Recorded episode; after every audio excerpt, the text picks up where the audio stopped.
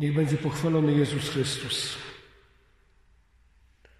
W tych nieco zmienionych warunkach, w tych nieco odmiennych okolicznościach chcemy odbyć rekolekcje parafialne, rekolekcje adwentowe, rekolekcje, które mają przygotować nas nie tylko na Boże Narodzenie, ale na ponowne przyjście Chrystusa przy końcu czasów, a przecież daty tego przyjścia nie znamy. W teologii mówi się o tym, że Adwent ma dwa wymiary. Właśnie ten wymiar eschatologiczny, oczekiwania na przyjście Jezusa przy końcu czasów, przy końcu świata. Ale mówi się także, że Adwent, zwłaszcza ta jego druga część od 17 grudnia, to czas na przygotowanie na przyjście Jezusa w kolejnej rocznicy Bożego Narodzenia. Ale można by było, moi drodzy, tę teologię powiększyć, poszerzyć o takie doświadczenie bardziej osobiste, intymne, o doświadczenie każdego z nas. Bo można powiedzieć, że Adwent obok tych dwóch wymiarów może mieć jeszcze dwa inne wymiary. Adwent to w sumie czekanie na moje spotkanie z Chrystusem po drugiej stronie życia. Można powiedzieć, że ten adwent rozpoczął się wraz z chwilą poczęcia. A kolejny wymiar tego adwentu to adwent to moment, kiedy czekam na Boga. To moment, kiedy żyję w grzechu. To moment, kiedy żyję z dala od Boga. To moje czekanie, by Bóg naprawdę zagości w moim sercu. Chciałbym, żeby te rekolekcje, które dzisiaj rozpoczynamy, pomogły nam w przeżywaniu tych dwóch wymiarów Adwentu.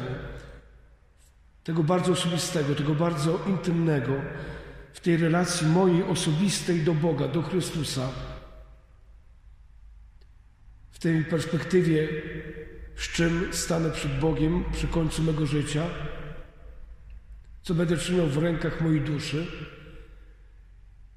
I właśnie tego, z czym staję przed Bogiem dzisiaj. Czy sercem pojednanym, wolnym, czy też sercem, które jeszcze jest z dala od Boga, w którym Bóg jeszcze nie może się narodzić, bo wciąż jeszcze jest zbyt wiele przeszkód, którymi są moje grzechy, nałogi, zniewolenia. To wszystko, co powoduje, że to serce nie jest Boże. Dlatego zachęcam, byśmy przeżyli ten adwent właśnie w tym kontekście czekania. I niech te rekolekcje pozwolą nam przygotować się na spotkanie z Bogiem, niech będą doprowadzeniem do uczciwej, dobrej, sumiennej spowiedzi świętej. Może także z całego życia.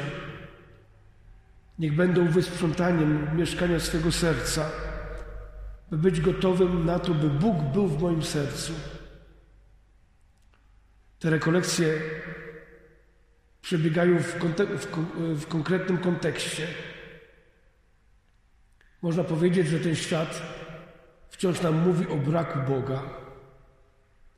Wydaje się, że ci, którzy mówią o istnieniu Boga, o wierze, o miłości, o wartościach chrześcijańskich, jakby przychodzą do lamusa, są jakby mniej słyszalni, coraz bardziej spychani na margines życia, nie goszczą na pierwszych stronach gazet, a treści chrześcijańskie coraz częściej zostają banowane, rugowane z przestrzeni publicznej, także w mediach społecznościowych, w internecie. Stają się niewygodne. Wydaje się, że ten świat rzeczywiście żyje w Adwencie jako czasie, kiedy jeszcze nie ma Boga. Ale z drugiej strony można sobie zadać pytanie, czy ten świat, czy ta ludzkość, ten naród, czy ja naprawdę na Boga czekam. Czy też wprost przeciwnie, po, po, nauczyłem się ustawiać swoje życie obok Boga, wbrew Bogu, przy Bogu. Być może udało mi się już ten świat uporządkować po swojemu. I być może to moje życie będzie napełnione przeżywaniem takich czynnych świąt. Teraz Bożego Narodzenia, później Wielkiej Nocy, ale tak naprawdę będzie to kultywowanie pewnej tradycji, obrzędowości, pewnych zwyczajów, które nie mają nic wspólnego z moim wewnętrznym byciem z Bogiem. Świat wydaje się być w ciągłym adwencie, ale czy ten adwent, czy ten świat naprawdę czeka na Boga? Czy ten świat naprawdę potrzebuje Boga?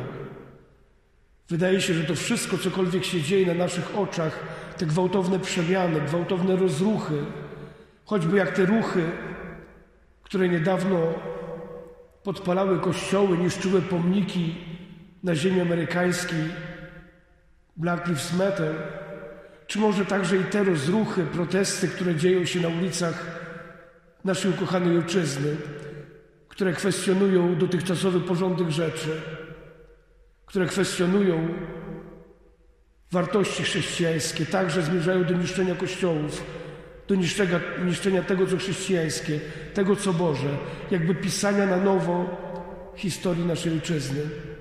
Zatem ten kontekst taki adwentowy, czekania na Boga, a może trzeba powiedzieć bardziej wypraszania Boga. Chcemy przeżyć ten adwent, tę rekolekcję właśnie w tym kontekście dziejowym, w kontekście konkretnej historii mojego życia, ale także życia narodu, a także narodów. Kiedy rozważałem nad tematem tych rekolekcji, postanowiłem poprowadzić te rekolekcje i opatrzyć je hasłem, można powiedzieć, jakby zupełnie niechrześcijańskim. Rewolucja. Rewolucja i jej główne hasła: wolność, równość i braterstwo. Przy dewizie rewolucji francuskiej było jeszcze dopełnienie albo śmierć. Wolność, równość, braterstwo albo śmierć. To już pokazuje z góry, jaka to miałaby być wolność.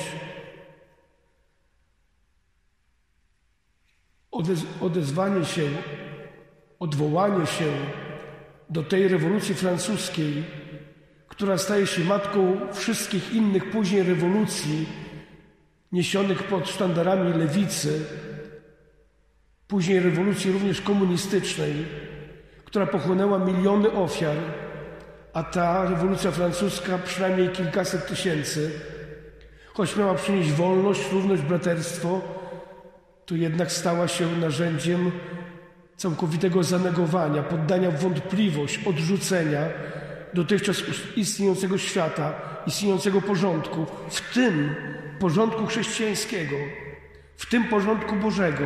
Przecież wiemy, że te hasła rewolucji francuskiej, wolność, równość, braterstwo, przejęła później loża masońska, zgromadzenie wolnomularzy. I można powiedzieć, że do dzisiaj te triada tych haseł, triada tych postulatów jest traktowana jako nowa świecka religia. Religia, w której człowiek staje na miejscu Boga krwawe ofiary, krwawe skutki tej rewolucji francuskiej, ale także tej rewolucji, która później po nich następowała, to tylko dobitny wyraz, przekonanie, że kiedy człowiek staje na miejscu Boga, kiedy człowiek wyprasza Boga ze swego życia, wcześniej czy później odwraca się od człowieka. Zatem, czy ten pomysł nie jest zbyt karkołomny, czy pomysł takich rekolekcji pod hasłem rewolucja po Chrystusowemu, wolność po Chrystusowemu, równość, braterstwo po Chrystusowemu, czy nie jest to zbyt szalony pomysł, czy nie jest wątpliwy, czy jest to logicznie poprawny? Czy Chrystus jest rewolucjonistą? Czy Chrystus nawoływał do rewolucji, do zanegowania świata, do odrzucenia wartości, w tym wartości Bożych? Czy Chrystus nawoływał do tego, by człowiek stanął w miejsce Boga? Bynajmniej. Oczywiście, że nie. Ale można również czytać tę rewolucję po Chrystusowemu jako wezwanie do całkowitego zmienienia swojego życia, do całkowitej przemiany, do zerwania ze starym człowiekiem I to już będzie miało znaczenie głęboko chrystusowe i głęboko teologiczne. Adwent jest czasem czekania na Boga. Czyż wcielenie Syna Bożego nie jest największą rewolucją, jakiej doświadczyła ludzkość? Czyż wcielenie Syna Bożego, przyjęcie ludzkiego ciała przez Syna Bożego, czyż nie jest aktem rewolucji? Można powiedzieć, że ludzkość, która została stworzona przez Boga, która w Bogu ma swój początek, od momentu grzechu pierworodnego ludzkość żyje w ciągłym adwencie, w ciągłym oczekiwaniu na spełnienie słów proroctwa, że potomstwo niewiasty zniszczy potomstwo węża, że zostanie zniszczone potomstwo tego, który zaczął kusić człowieka przeciwko Bogu. Ludzie na różny sposób wyobrażali sobie Boga, w różny sposób deifikowali siły natury, przyrody, także ludzi. Te drogi poszukiwania Boga, jaki jest Bóg, kim jest Bóg, w jaki sposób Bóg się objawia, to były tylko ludzkie próby, ludzkie analogie, ludzkie intuicje, które zostały również dotknięte właśnie słabością grzechu pierworodnego. Czyż nie jest rewolucją, że to już nie człowiek musi szukać Boga, że to już nie człowiek musi wyobrażać sobie Boga, że jest skazany na własne intuicje, analogie, domysły, ale że to Bóg objawia się człowiekowi? Tak, w osobie Jezusa Chrystusa dokonała się największa rewolucja ludzkości. Ta rewolucja, że Bóg staje się człowiekiem, staje się jednym z nas, wywraca dotychczasowy porządek rzeczy, dotychczasowe wyobrażenia, dotychczasowe myślenie o Bogu. Można powiedzieć, że jest tak bardzo śmiałe, tak bardzo ambitne, że człowiek nie byłby w stanie sam tego wymyślić. Bóg staje się człowiekiem. Jeśli chcemy rzeczywiście doświadczyć tej prawdy, to musimy być gotowi na przyjęcie tej rewolucji, na przyjęcie Boga, który przychodzi do człowieka. Czy Chrystus był rewolucjonistą? Obraz Jezusa z Ewangelii jest zupełnie inny. Obraz Jezusa na kartach Ewangelii to obraz niemalowany przez rewolucjonistów. Rzeczywiście chcieliby go widzieć jako rewolucjonistę nawet najbardziej pobożni Żydzi. Bo przecież czasy Jezusa to czasy strasznie trudne. Czasy okupacji, czasy niewoli dla narodu żydowskiego. Naród wybrany, który miał być narodem, który głosi chwałę Jahwe, jednego Boga, staje się po raz kolejny narodem podporządkowanym, zniewolonym, okupowanym. Historia narodu żydowskiego rzeczywiście jest z jednej strony na, historią narodu wybrania, narodu szczególnego błogosławieństwa, ale z drugiej strony jest historią narodu, który zmaga się ciągle z z próbą jego unicestwienia. Dlatego, kiedy znajduje się pod okupacją rzymską, to chyba ich jedynym marzeniem jest to, by odzyskać wolność, by móc na nowo sprowadzić kult w świątyni w Jerozolimie, by móc na nowo oddychać wolnym powietrzem, być sobą u siebie, być gospodarzem własnej ziemi. Dlatego, kiedy patrzyli na Jezusa, to oprócz tego, że doświadczali Jego cudów, widzieli potęgę Jego słowa, widzieli potężne Jego czyny, to jednak brakło im tego rysu rewolucjonisty, tego, który rzeczywiście wyda wojnę, wypowie wojnę, walkę wręcz Rzymowi, okupantowi. Tymczasem Chrystus Zostaje przez naród odrzucony. Zostaje przez naród ubiczowany, cierniem koronowany, a w końcu ukrzyżowany. Nie takiego Mesjasza się spodziewali. Nie takiego rewolucjonistę oczekiwali. Wśród wielu powstańców żydowskich Jezus niestety nie znajduje się w czołówce, nie znajduje się na ich liście, nie walczył zbrojnie, Ale Jezus ukazał współczesnym Żydom, ale także i dzisiaj nam, ludom Nowego Przymierza, że zdecydowana gorsza jest niewola grzechu, że zdecydowanie gorsza jest niewola zła, że zdecydowanie gorsza jest niewola uleganiu pokusy, bycie jak Bóg, zajęcia miejsca Boga w swoim życiu. Jezus jest rewolucjonistą w tym sensie, że domaga się radykalnej zmiany, bezkompromisowości. Niech wasza mowa będzie tak, tak, nie, nie. To wszystko, cokolwiek Boże, niech będzie na naszych umysłach, w naszych sercach, w naszych pragnieniach, ale bezkompromisowo trzeba odrzucić to, co Boże nie jest. Dobrze to zrozumieli wyznawcy Chrystusa.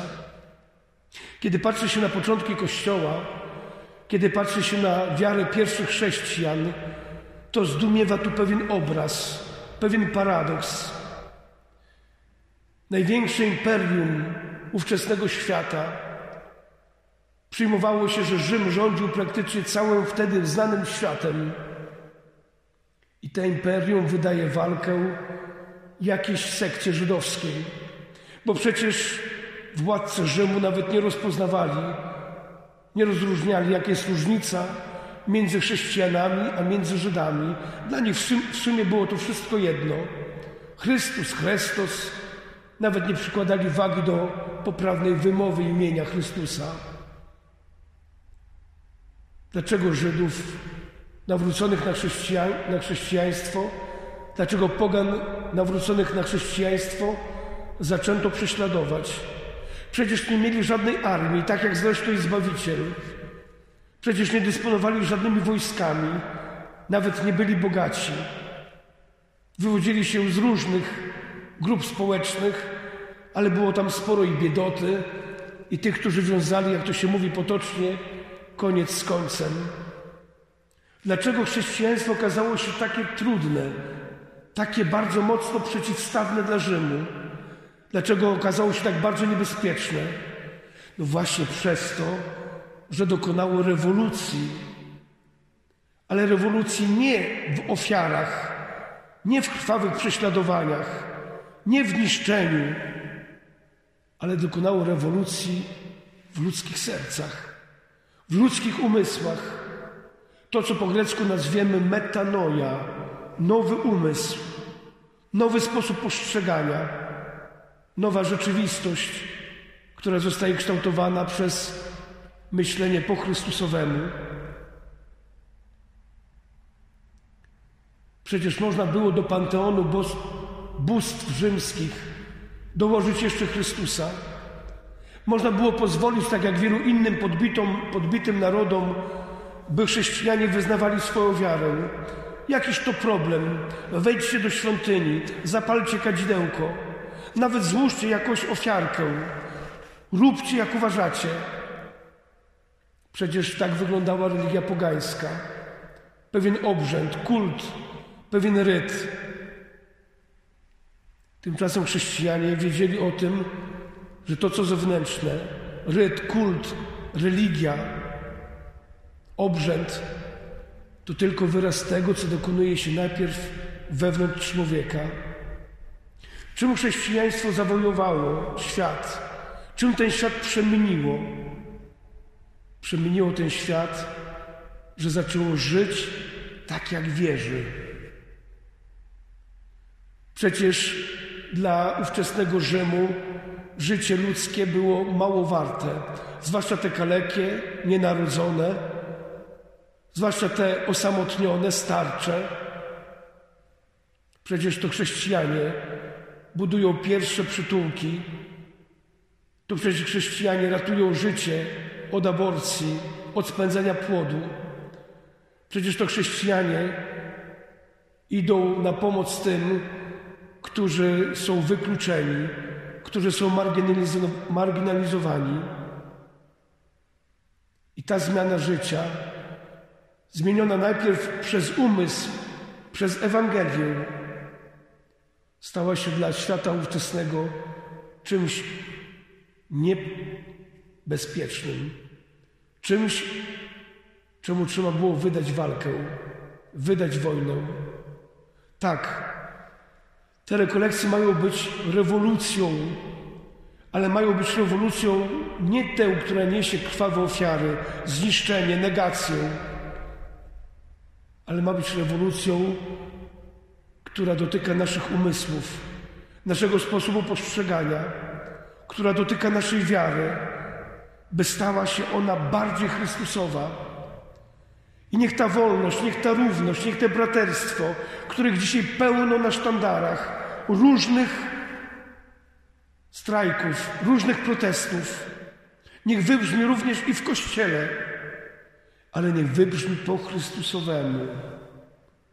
Zechciejmy przeżyć tę rekolekcję jako wezwanie właśnie do tej rewolucji.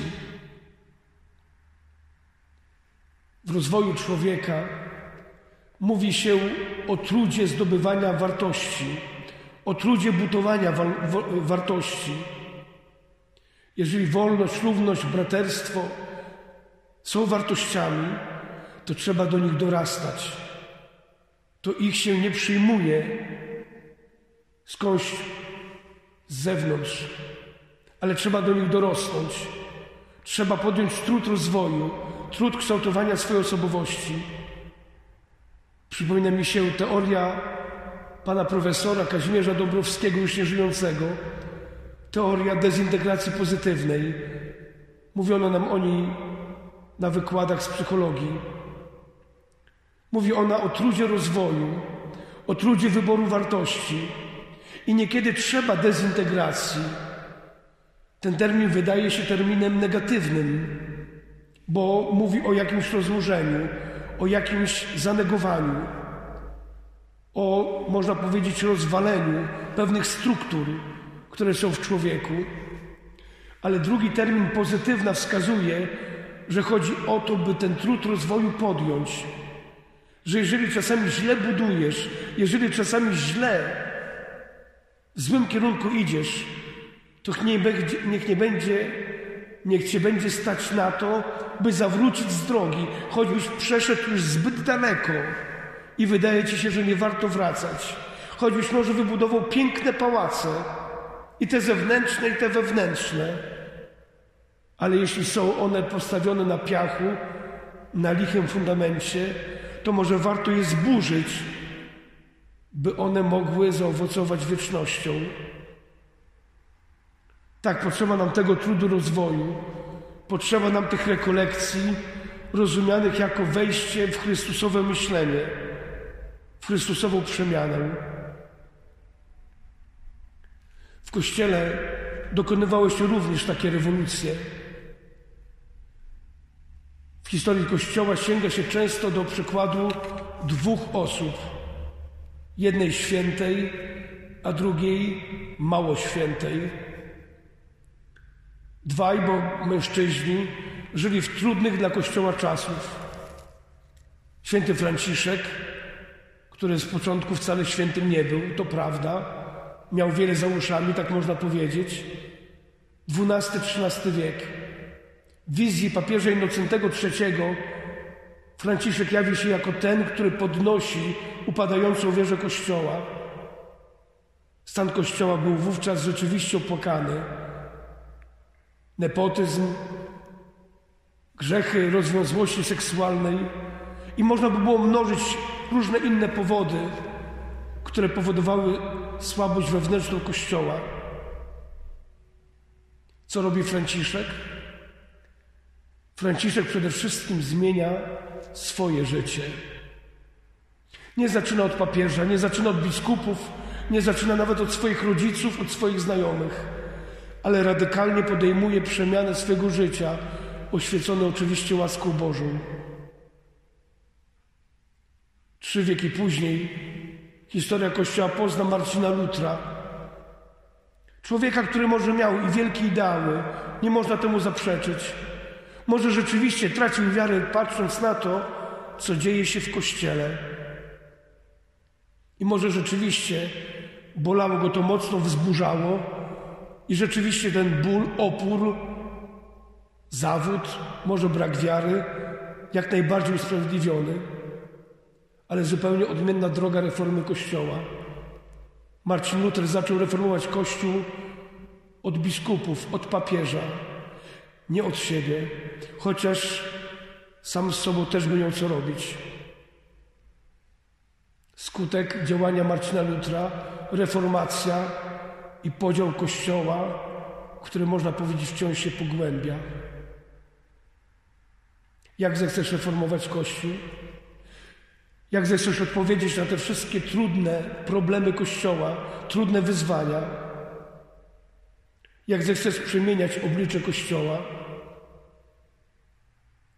Tak, ta rewolucja najpierw musi dokonać się w moim myśleniu, w moim sercu, w moim przeżywaniu wiary.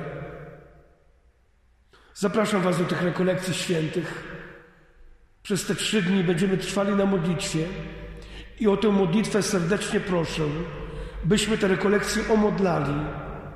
Wielkie rzeczy rodzą się tylko w Bogu, tylko z Bogiem. Prośmy o modlitwę innych, wszystkich, których znamy. Udostępniajmy te treści, dzielmy się wiarą, by w tym świecie, który wydaje się nie czekać na Boga, zrodziła się na nowo nadzieja i tęsknota. Zaprosi na, na tę rekolekcję jedną osobę zmarłą. Kościół uczy, że trzy dni rekolekcji, trzy wysłuchane nauki to możliwość uzyskania daru odpustu zupełnego, całkowitego darowania kar przywiązanych do naszych grzechów.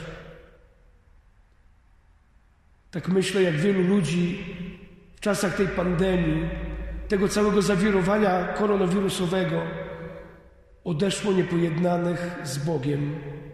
Czy Bóg ich opuścił? Nie ma takiej opcji, nie ma takiej możliwości. Był razem z nimi na tych wyludniałych szpitalnych korytarzach, ale wielu odmówiono dostępu do sakramentów, dostępu do Boga, do Komunii Świętej, do rodziny najbliższych, nawet do godnego pochowunku. Zaproś jedną z tych dusz czystcowych i ofiaruj cały trud tych rekolekcji za tą jedną wybraną przez siebie duszę czystcową. Na koniec rekolekcji będziemy dziękować Bogu za czas tych rekolekcji, jednocześnie będziemy ofiarować intencje, modlitwę w intencji, którą naznacza papież. I zechcemy również przyjąć dar Komunii Świętej, także dar pojednania w sakramencie spowiedzi, do którego serdecznie zachęcam, może wbrew tym wszystkim lękom, obawom, by móc stanąć na nogi, także te duchowe, i zechcemy ofiarować ten dar odpustu za tę jedną konkretną osobę zmarłą. Kościół cierpiący czeka na reakcję, na pomoc, na solidarność, na wsparcie Kościoła pielgrzymującego, jakim my jesteśmy. Zechciejmy w tym czasie rekolekcji wyłączyć telewizor i to, co zbędne, to, co nas rozprasza i od Boga oddala. Znajdźmy więcej czasu dla rodziny, dla bliskich, dla siebie, na modlitwę, może na adorację. Niech to będzie czas inny, czas podporządkowany Bogu i Jego sprawom. Zapraszam Was do tych świętych rekolekcji, które już dzisiaj omadlajmy. Amen.